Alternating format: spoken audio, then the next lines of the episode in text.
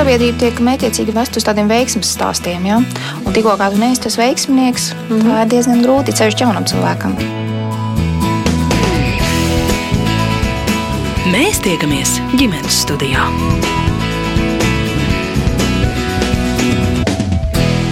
Labdien! Mīlestība ir īpaša tās klātbūtne uztur cilvēkus dzīvus, varošus un darošus, un vecāku mīlestībai pret savu bērnu, īpaši mātes, ir vēl viena dimensija - beznosacījuma mīlestība. Tā ļauj bērnam izaugt lielam un laimīgam.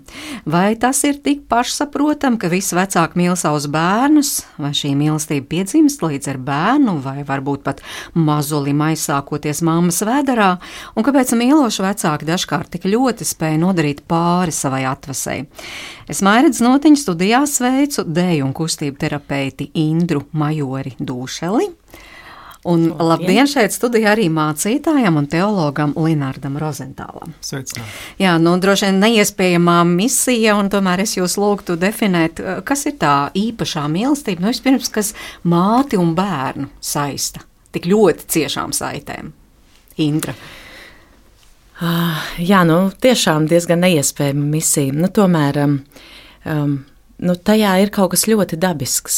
Tā ir uh, arī, protams, bioloģiska saikne. Jā, tā ir hormonāla saikne. Daba tā ir iekārtojusi. Citādi mēs neizdzīvotu, ja šī saikne pašos pamatos nebūtu iebūvēta mūsu sistēmā. Jā, tā tad, um, ka māte dabiski izjūt nu, vai mēs teiktu, viņai dabiski, tas būtu dabiski izjust eh, šo tuvo piesaisti, rūpes, gatavību eh, ziedoties, upurēt savu enerģiju, laiku, ļoti daudz no sevis, lai palīdzētu izaugt mazajam bezpalīdzīgiem sākotnēji zīdainim, un tad, protams, jau viņš kļūst lielāks un, un tā tālāk. Tā kā tajā ir tāda um, dabas ielikta gudrība. Tā mīlestība mums patiešām ir fundamentāli nepieciešama, lai mēs varētu attīstīties un izaugt. Linhardie par tēvu mīlestību tas arī ir tik dabiski. Es domāju, ka tik tālu, cik tas attiecās lūk uz šo uh, dabisko tādu izjūtu, kas ir tiešām, tiešām psiholoģiski, bioloģiski arī ļoti ietekmēta, um, noteikti jā, bet, protams, ka arī vecāku un bērnu attiecībās droši vien mēs arī varam runāt par tādiem aspektiem mīlestībā, kas notiek tad, kad, eh, kad šajā bērnā parādās kaut kas svešāds, kaut kas tāds, ar ko es neesmu rēķinājies. Tā dzīve nav piepieši tāda, kā man tajā plānā, melnrakstā ierakstīts. Un tad, protams, jā, tad, protams, ir šie lielie izaicinājumi, kā mīlēt šo citādāko, svešo, to, kas nav man līdz galam pieņemams.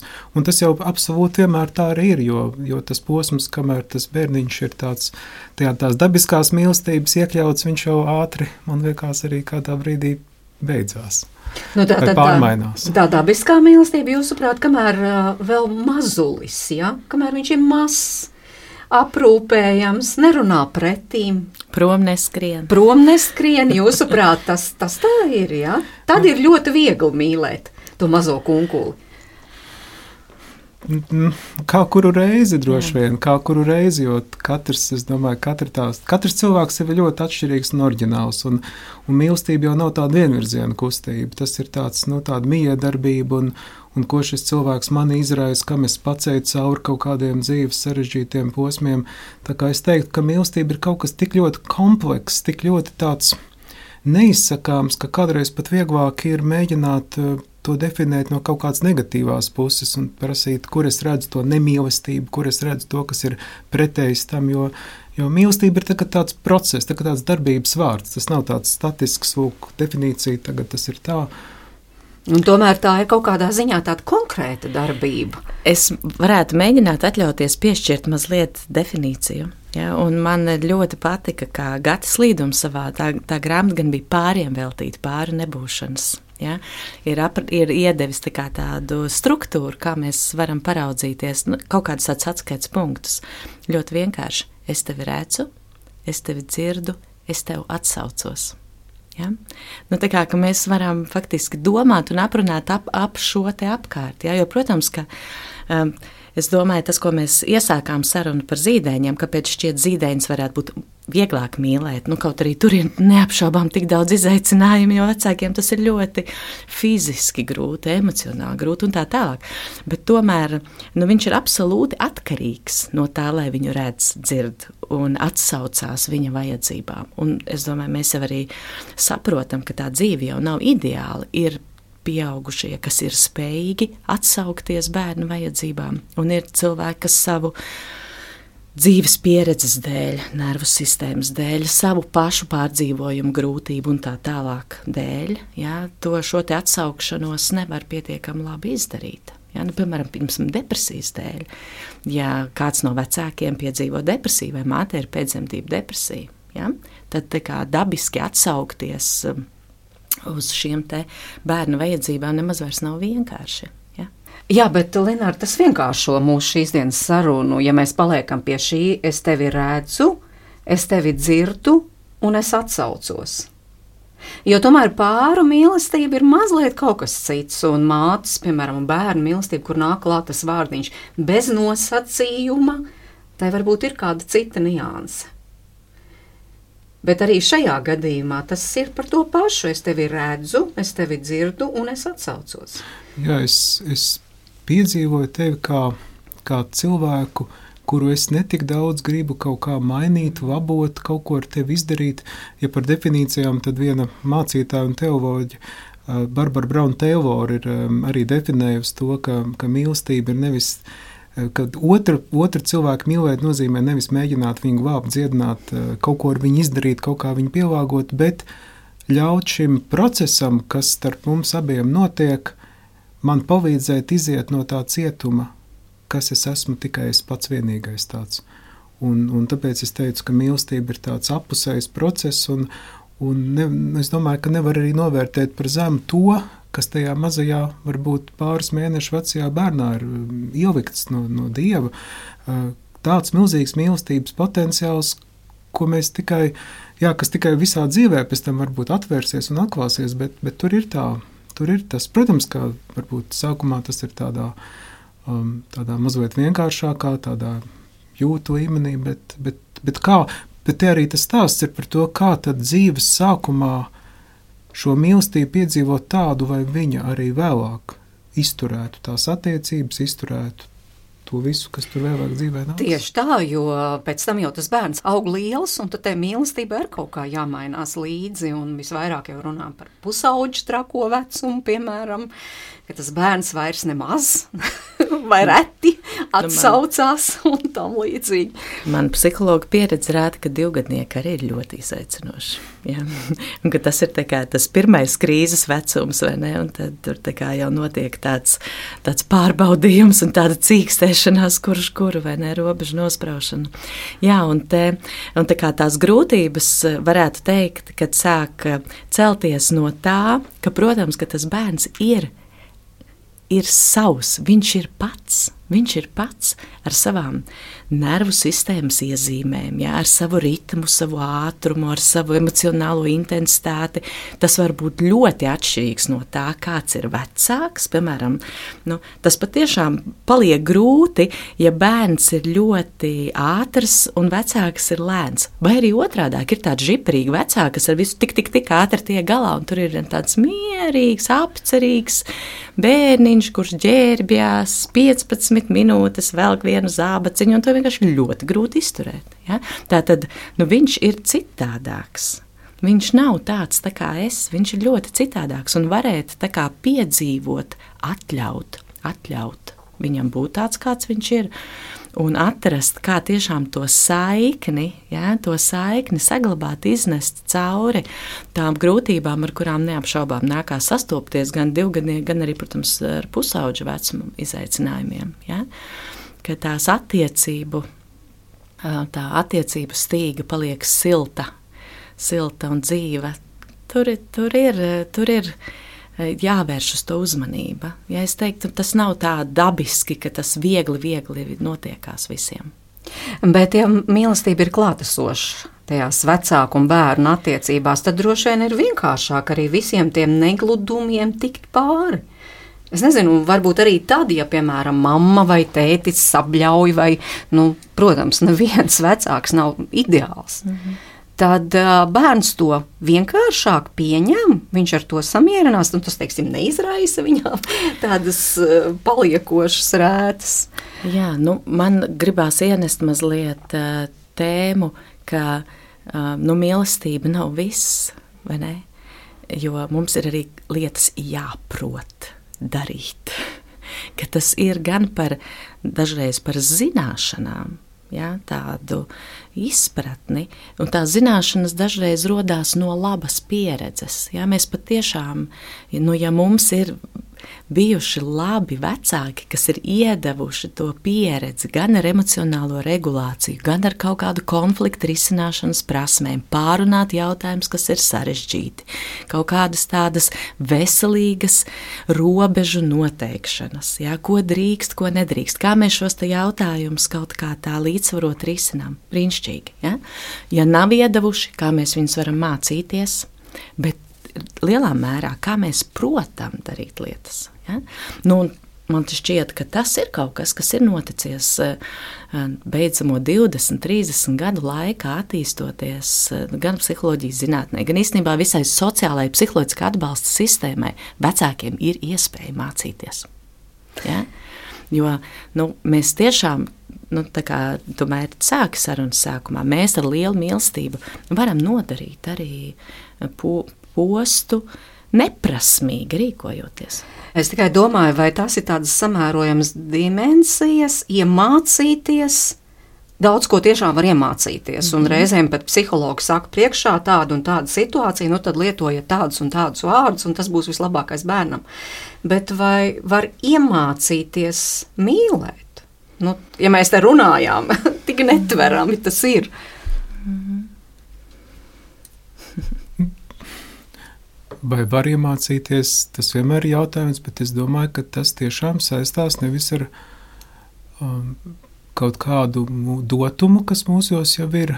Uh, tas, protams, mums katru, katram ir šis potenciāls, katram ir tāds kaut kāds mīlestības, tāds, nezinu, ar ko mēs, kas izveidojās, kā Indra arī pareizi teica, bērnībā.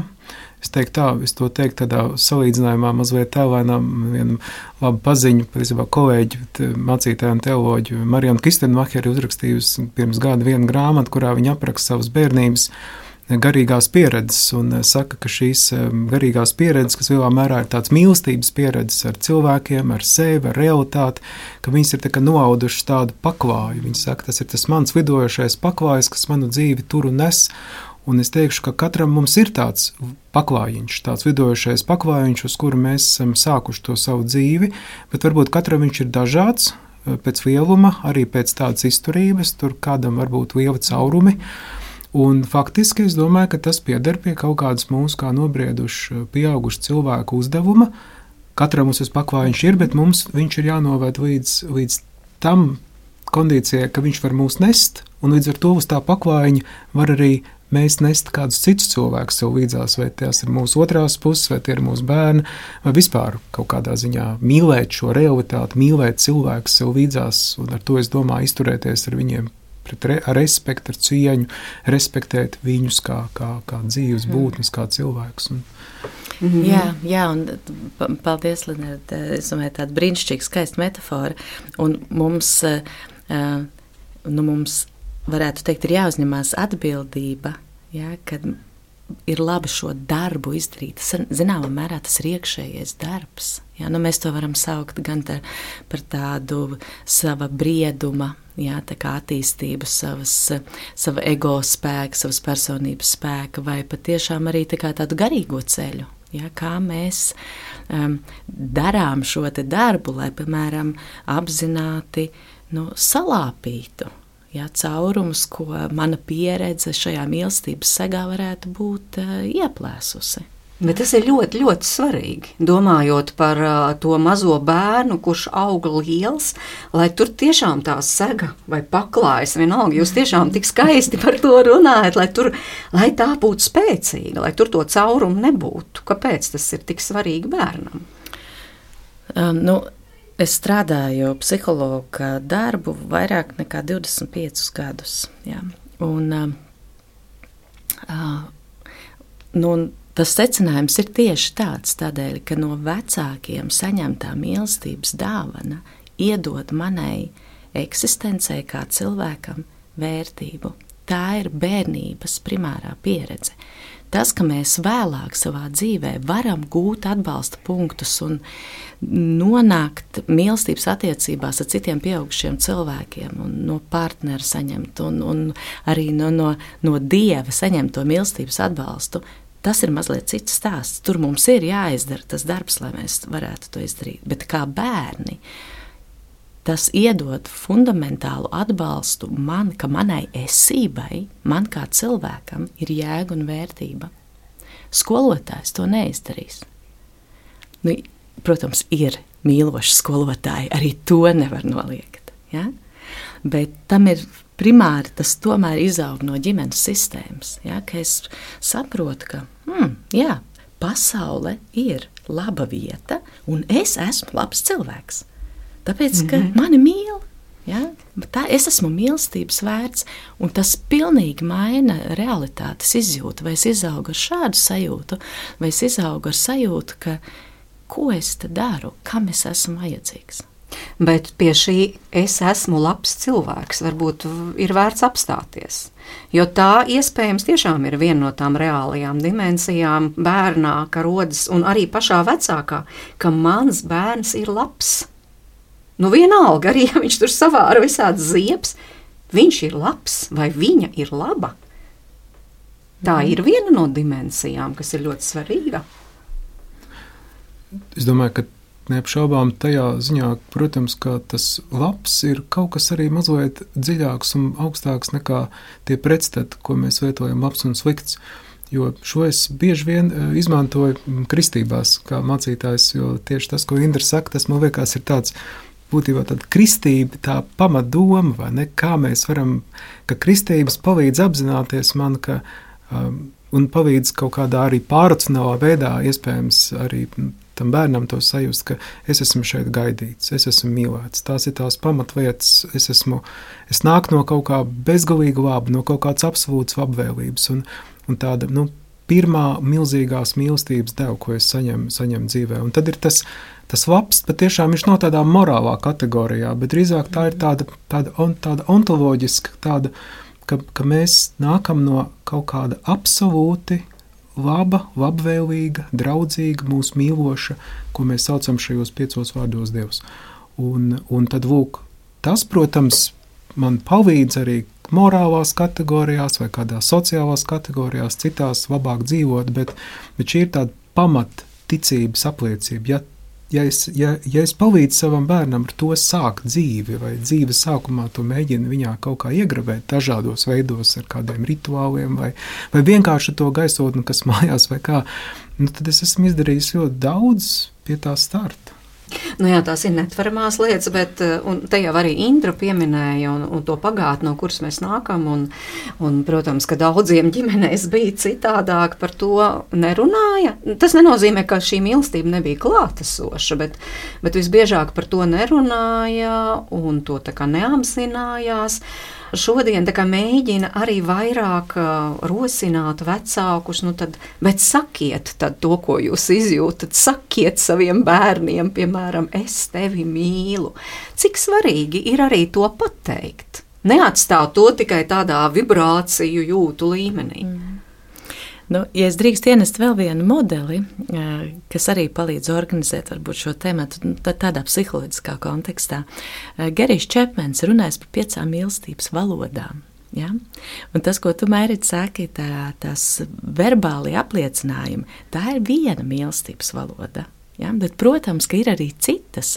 Arī pieskārieni un mīļošanās ir mīlestības valoda, arī dāvanas ir mīlestības valoda. Arī jēgpilni kopā pavadīts laiks. Ja? Pārunājot kaut kādas lietas, vai darbojoties kopā, ja, vai arī tāda praktiska palīdzība un rūpes par otru cilvēku vajadzībām, arī tā ir mīlestības valoda. Un man šķiet, ka um, iepriekšējā paudze ar rūpēm par mums, palīdzot mums, pabarojot, izauklējot, apģērbjot, palaižot uz skolu tīrus un ap, apgrieztiem nagiem, ja, izjūt, ir izjutuši to, ka tā ir bijusi mīlestības valoda. Ja? Un, un šķiet, ka tā, tā jaunākā paudze mēs vairāk gribētu sagaidīt skaidrākus, verbālus, ar vārdiem pateikts mīlestības apliecinājums. Un, nu, vai arī tādu samīļošanos, vai, ne, vai pieskārienu valodu. Un tādēļ es domāju, tā ir tā tēma, ko mēs varam ne, apdomāt, ka um, ne mēs visi vienādā veidā saprotam. Mums varbūt ir arī dažāda veida vajadzības. Ja? Kādam pieskāriena vajadzība ir lielāka, kādam vārdu vajadzība ir lielāka. Citiem atkal ir svarīgi, nu, lai vecāki reāli ir klāti, piemēram, klātesoši kaut kādās man svarīgās lietās, piemēram, skolas koncertā. Ja? Nu, vienkārši sēdēt klāt un skatīties uz mani. Nu, tā kā vajadzētu vismaz mēģināt operēt ar visām šīm mīlestības valodām, jo, jo dažādi psihologi jau pat mēģina, nu es te arī pirms raidījuma palasījos, nu, piemēram, ka Tur psihoterapeita Virģīnija Satīra saka, mums izdzīvošanai nepieciešami četri apskāvieni dienā, mums dienā nepieciešami astoņi apskāvieni, lai uzturētu labu veselību, mums dienā nepieciešami 12 apskāvieni personīgai izaugsmai. Nu, varētu lasīt daudz šādus padomus, domājot vai runājot par, par visām Indras piesauktajām mīlestības valodām. Es iztēlojos pusaudzes, kur jūs mēģināt 12 reizes dienā apskaut. Un viņš mums teica, māte, kas tev vainas? kas tev kaiš? Jā, dzīvo taču savu dzīvi, lietas man mierā. Jā, nu, protams, ka nevajag tik akla sekot šādiem padomiem, bet tomēr varbūt to pusaudzi kādreiz jau, es nezinu, to cekulu vajag pabužināt. Vienalga, kaut nav vairs tas mazais bēbis, mīļojams un auklējams. Es arī domāju, vēl viens tāda, tāds aspekts, kas droši vien ir jāņem vērā, ka arī šīs pieminētās mīlestības valodas, man liekas, viņas ir izkārtotas ļoti dažādi arī starp paudzēm, jo šis uh, iemesls, kāpēc varbūt man tas pakāpiens vai tā sedziņa tāda caurumaina, tas jau nevienmēr ir saistīts tikai varbūt ar konkrētā cilvēka nespēju vai negribēšanu vai, vai ko, bet arī ar kaut kādiem lielajiem tādiem globālajiem uh, iemesliem, ne, mums ir jāapzinās, ka es nu pat kaut kur lasīju par vienu pētījumu Vācijā, kas teica, ka lūk, šī paudze, kas ir piedzimusi pēc 2000. gada, viņu attiecības ar vecākiem ir tik labas kā vēl nekad tādā pārredzamā pagātnē. Jo, jo es domāju, ka viss šī paudze, kurai es arī piedaru, kas patiesībā nāk no vecākiem, kas ir saistīti ar pēckara gadiem, ar visu šo traumatizāciju, padomu režīmu un tam līdzīgi, tur jau arī tas iezīmē kaut kādu nespēju bieži vien runāt, arī vai risināt konflikts, vai, vai kaut vai vienkārši, kur prebavēja šīs te, nu, kā jau Indra teica, galvenais, vai tie nāk apgriezt un viss kārtībā, un tad jau, tad jau, nu, ka tās rūpes kādreiz pat bija vienīgā tā mīlestības valoda, kur, kurā tu spēji. Bet tas Bet tas mainās, tas mainās. Līdz ar to kādreiz varbūt arī no šiem jaunajiem cilvēkiem arī tā iepriekšējā paudze var vairāk mācīties nekā otrādi, kā šo mīlestību īstenot. Bet tas ir tāds apusējs lielums. Nu, piemēram, tie bērni, kuri patiešām ir sajutuši tādu īstu, dziļu mīlestību no saviem vecākiem, tad viņi arī spēja mīlēt, patiesi mīlēt savus vecākus arī tad, kad ir pieauguši. Es domāju, ka tam ir saikne tam ir saikne. Jā, jo nu, tās mīlestības attiecības, viņas jau tiešām kļūst par attiecībām, kas var. Nu, kas paliek atbalsta sistēma, ja arī nu, bērnam kļūstot pieaugušam, tā attiecību izjūta jau, jau saglabājās. Viņa jau tā kā muguras smadzenēs ir iaudusies. Es zinu, ka vecāki ir priekš manis uh, ir atbalsta avots. Ja? Un, um, un tad to ir vieglāk nest uz priekšu, protams. Ja? Un tā tad, ja mēs runājam par tām. Par to, ja šī tāda fundamentālā pieredze ir iztrūkusi, nu nav jau tā, ka nav iespējams ne, tā apzināti veidot uh, mīlestības attiecības pieaugušā vecumā, bet tas darbs tur ir jāpieliek lielāks. Tā ir, tur tā tā piepūle, lai, lai piedzīvotu, ka realitāte ir laba vieta, ka pasaule ir laba vieta. tur ir darbs jāizdara.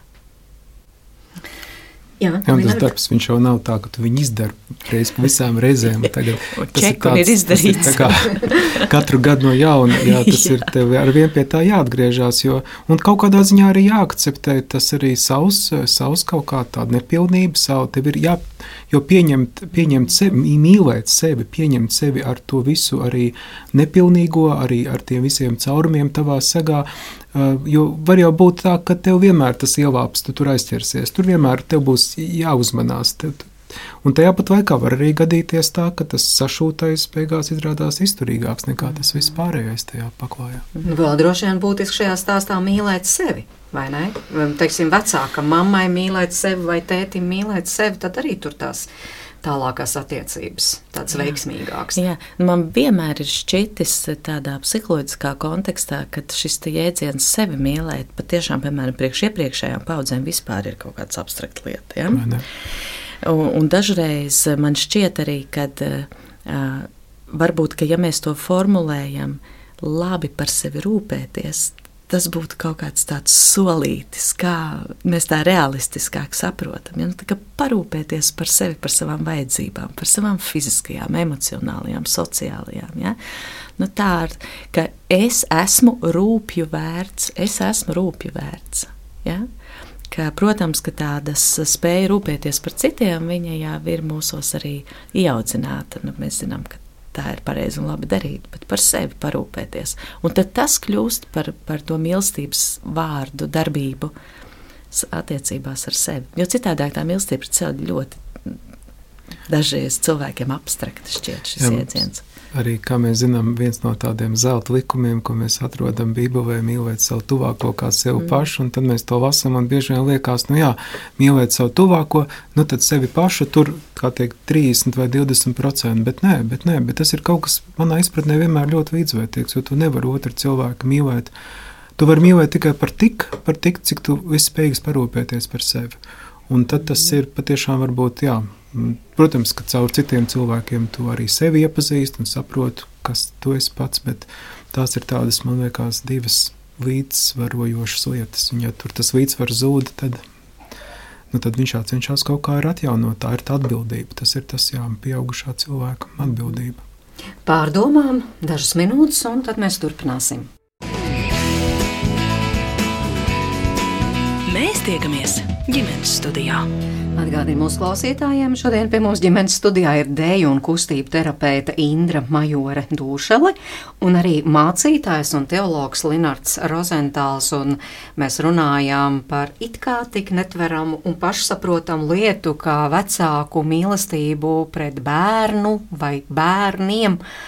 Bet eh, vai vienmēr dzīvē tas tā ir? Ka tas ir pašsaprotami, ka visi vecāki, visas mammas un visi tēti ļoti, ļoti, ļoti mīl savus bērnus.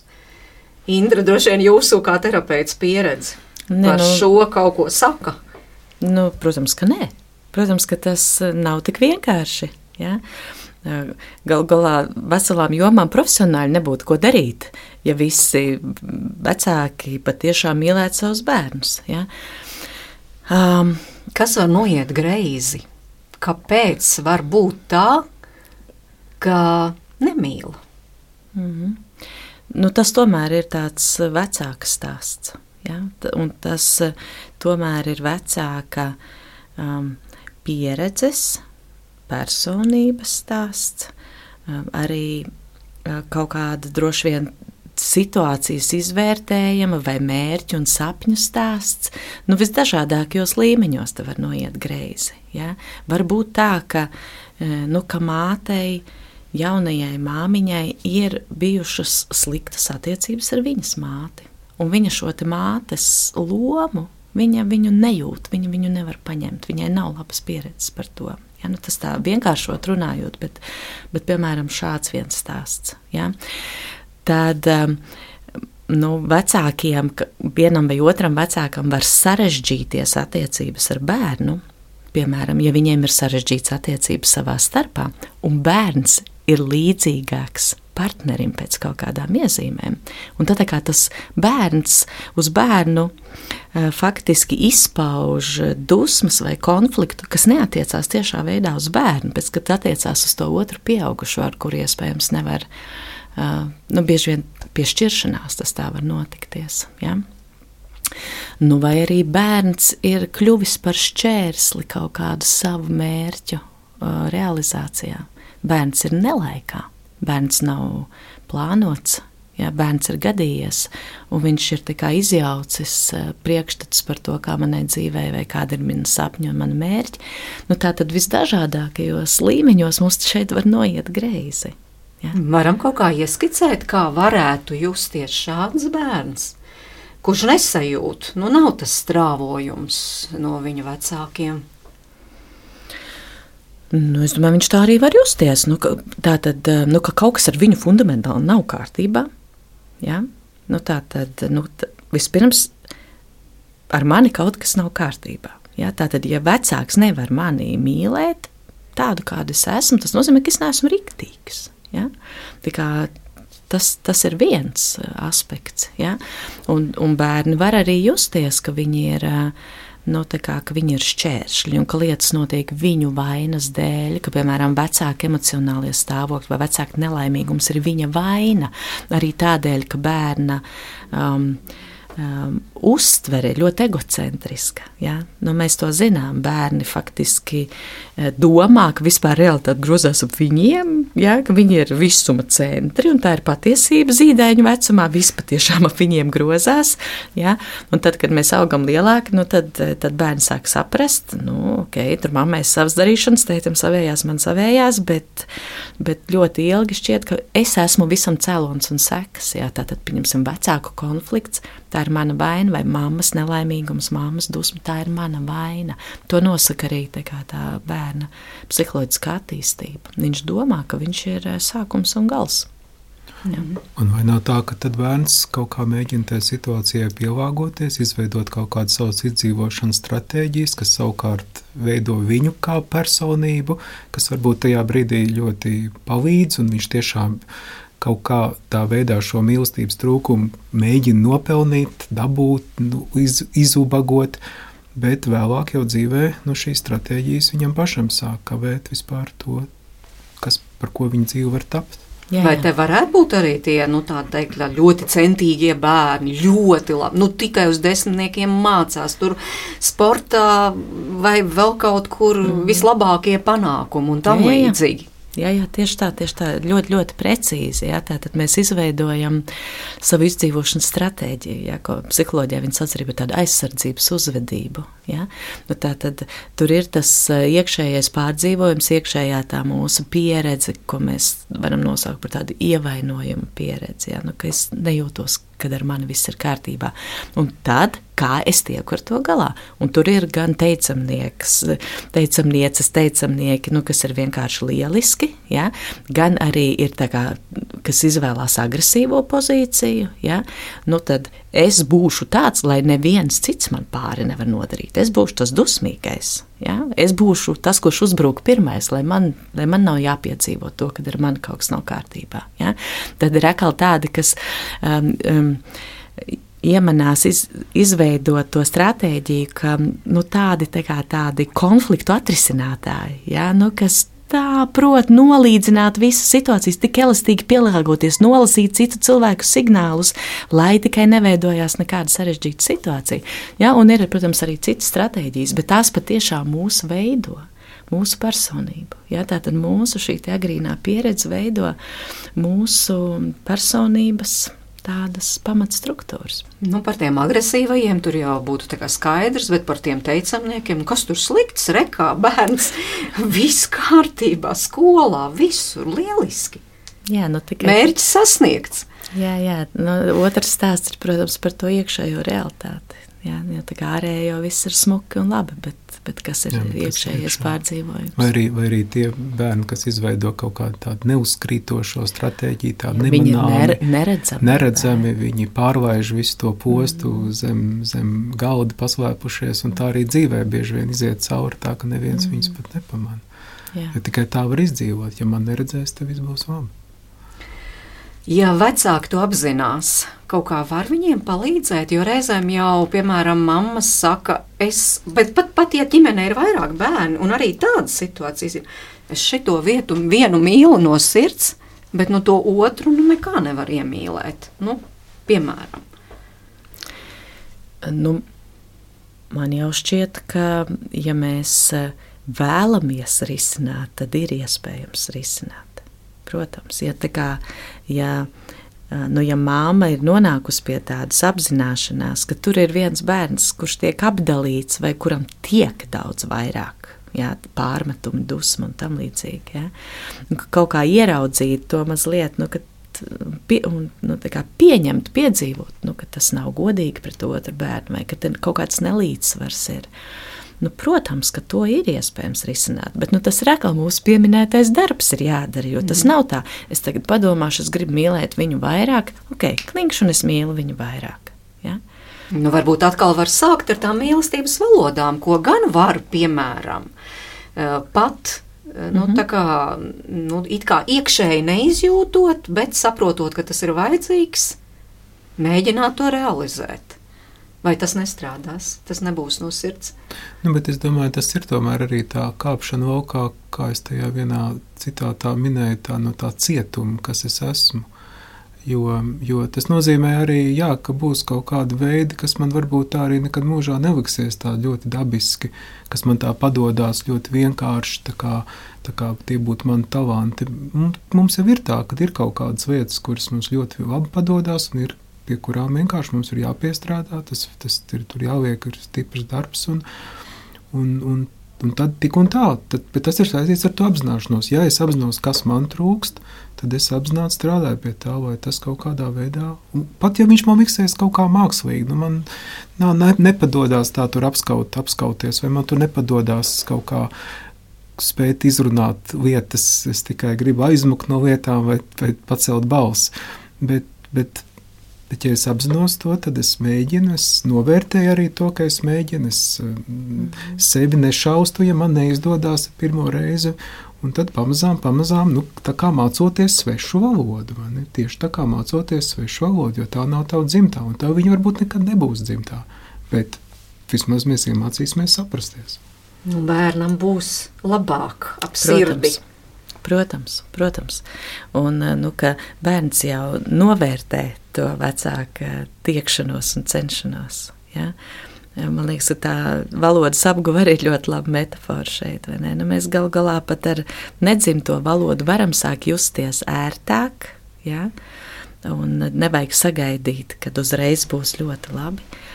Un arī pieņemt, jā, nu, ka es taču to varu izdarīt otra dēļ, otra vajadzību dēļ, jo man liekas, ka nu, tas ir tas lēmums iekšēji. Ja? Nu, man, mm, man nepatīk, es ar to nejūtu, es, es neprotu, bet es esmu to gatavs izdarīt. Otru, un tā jau arī ir mīlestības izpausme, ka esmu gatavs pārkāpt pāri tam, ko es nevaru nesaprotu, un izdarīt to otra dēļ. Mm -hmm. Nu, varētu jau te runāt arī par to pretējo. Mēs te par no nemīlestību, bet tagad uh, bieži dzird arī runājam, nu pārāk daudz mīlestības tie bērni saņem. Nu pārāk daudz mūsu dienās. Vispār var būt pārāk daudz. Nu, droši vien jājautā par kādām mīlestības izpausmēm tad ir runa.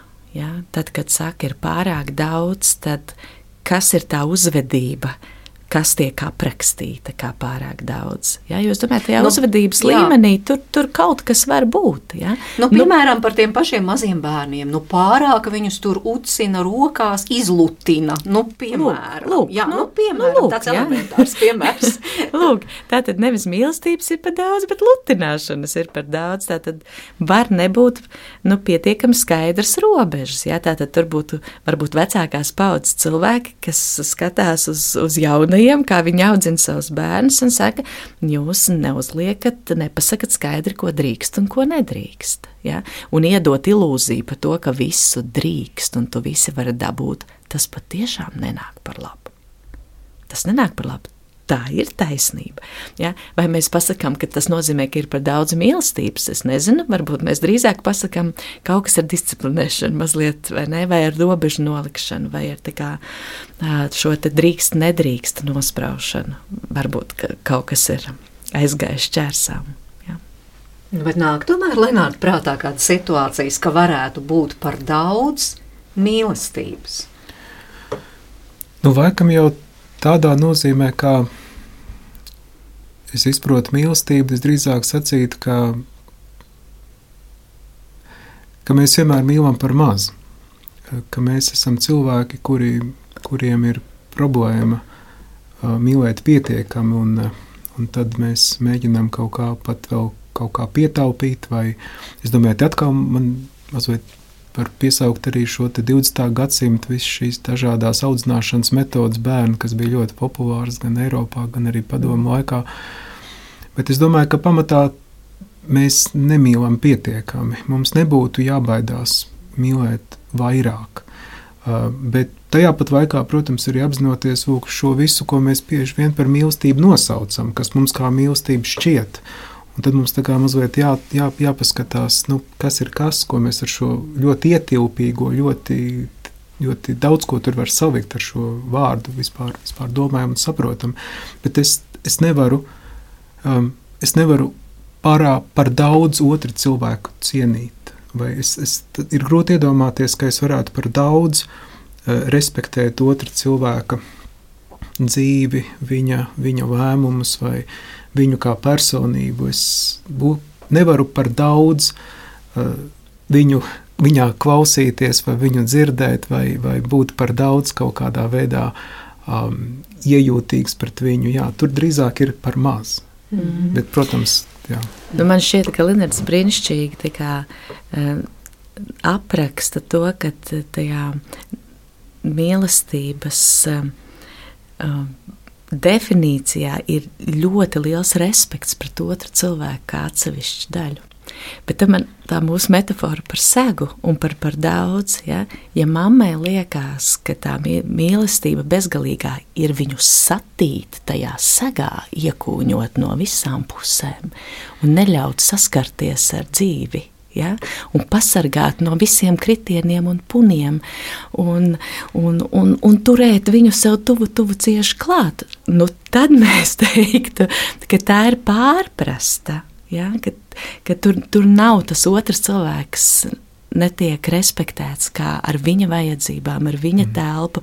Nu, tā sēga nav tāpēc, lai viņu nosmacētu. Tā sēga ir tāpēc, lai viņam iedotu uh, siltumu, ietvaru, atbalstu, jā, lai viņš var savā dzīvē kustēties uz priekšu.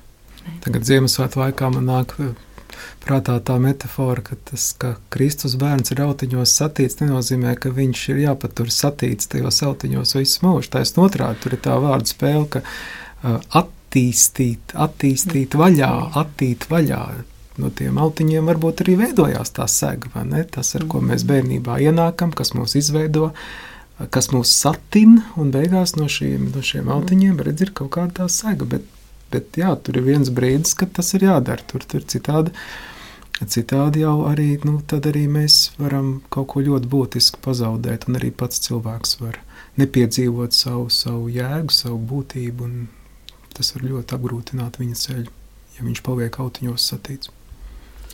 Vai var par daudz par šo runāt? Reizē mums cilvēki pārmet, jūs tur runājat, gudri runājat, un, un, un kāpēc? Vai kāda tam jēga? Vai ir jēga laiku pa laikam sev šo atgādināt, nu, padomāt, kā tad ir manā dzīvē, kā ir attiecībās ar manu bērnu, kā es jūtos un ko es tur varu darīt? Protams, protams, ka ir vērts eh, laiku pa laikam apstāties un padomāt. Ja, jo tas jau tāds mūsu dzīves izaicinājums, nu vispār tā apsēsties un padomāt, nu kā ir. Ja?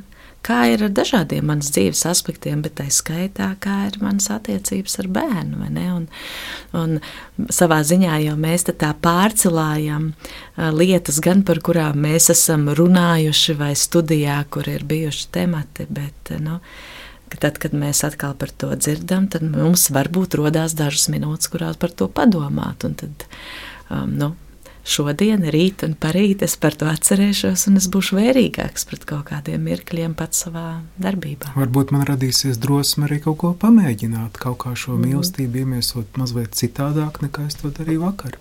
Jā, tikai nu, vienmēr tas jautājums, cik viegli ir sevi novērtēt. Kā tad īsti ar mani ir un kā īsti ir manā ģimenē? Tas vienmēr paliek tāds atvērts jautājums. Nu, arī tas prasa zināmu laiku, um, ko mēs varam veltīt šādam tādai apcerēji, ja, vai pašrefleksijai, vai atskatīties atpakaļ, padomāt. Un, nu, ir jau dažādas vidas un ietvari, kuros to var darīt mērķiecīgi. Ja, tad, ja, nu, tiešām gan, gan dažādās psihoterapijas grupās, gan dažādās izaugsmas grupās, arī garīgajās meklējumos. Tiešām visdažādākajā veidā šos jautājumus mēs varam pārskatīt, veltīt tam savu laiku. Nu, es ceru, ka tieši šis ir arī tas brīdis, tāpēc arī ģimenes studija izvēlējās, ka laiks starp svētkiem ir brīdis, iespējams arī domāt, pārdomāt. Jā, laiks starp svētkiem ir tādas 12 svētās naktis. Un, un tas ir tas stāsts, kā kaut kas, kas tevī ir neskaidrs, miglains, vēl līdz galam neizveidojies, kā tāds tumšs. Nu, kā tas var mainīties? Un, un mēs to gaismu varam novērtēt tikai tad, kad mēs tā iepazīstamies arī ar to tumsu, kas, kas katrā no mums ir. Un tad mēs arī varam novērtēt, ka tā viena mazā gaismiņa beig beigās jau ir ļoti daudz, ļoti milzīgs solis priekšā. Nu, tad ģimenes studija tiešām arī ar tādām gaišām domām pie jums šodien vēršas. Un tiešām mīļš, mīļš paldies par šo sarunu. Es saku deju un kustību terapeitei Indrai Majorei Dūšalei un arī mācītājiem un teologam Linardam Rozentālam. Un paldies arī maniem kolēģiem, kuri palīdzēja raidījumam tapt producentei Ilzai Zvaigznei, Norai Mitspapai pie skaņu pults un atgādināšu, ka šeit studijā. Pie mikrofona bija Mairits Notiņa Un rīt, rīt ir parastā darba diena no vienas puses, eh, lai gan rīt kā daudziem brīvas dienas, un, eh, un rīt arī viena no pēdējām gada dienām, tāpēc atgādināšu, ka rīt mēs ģimenes studijā runāsim, kas svarīgākais, eh, sliktākais, labākais, pārsteidzošākais un cerīgākais noticis tieši aizvadāmajā 2022. gadā tādās bērniem un ģimenei būtiskās jomās kā izglītība, veselība un labklājība. Paldies, ka esat kopā ar ģimenes studiju un lai jums laba diena. Visu labu!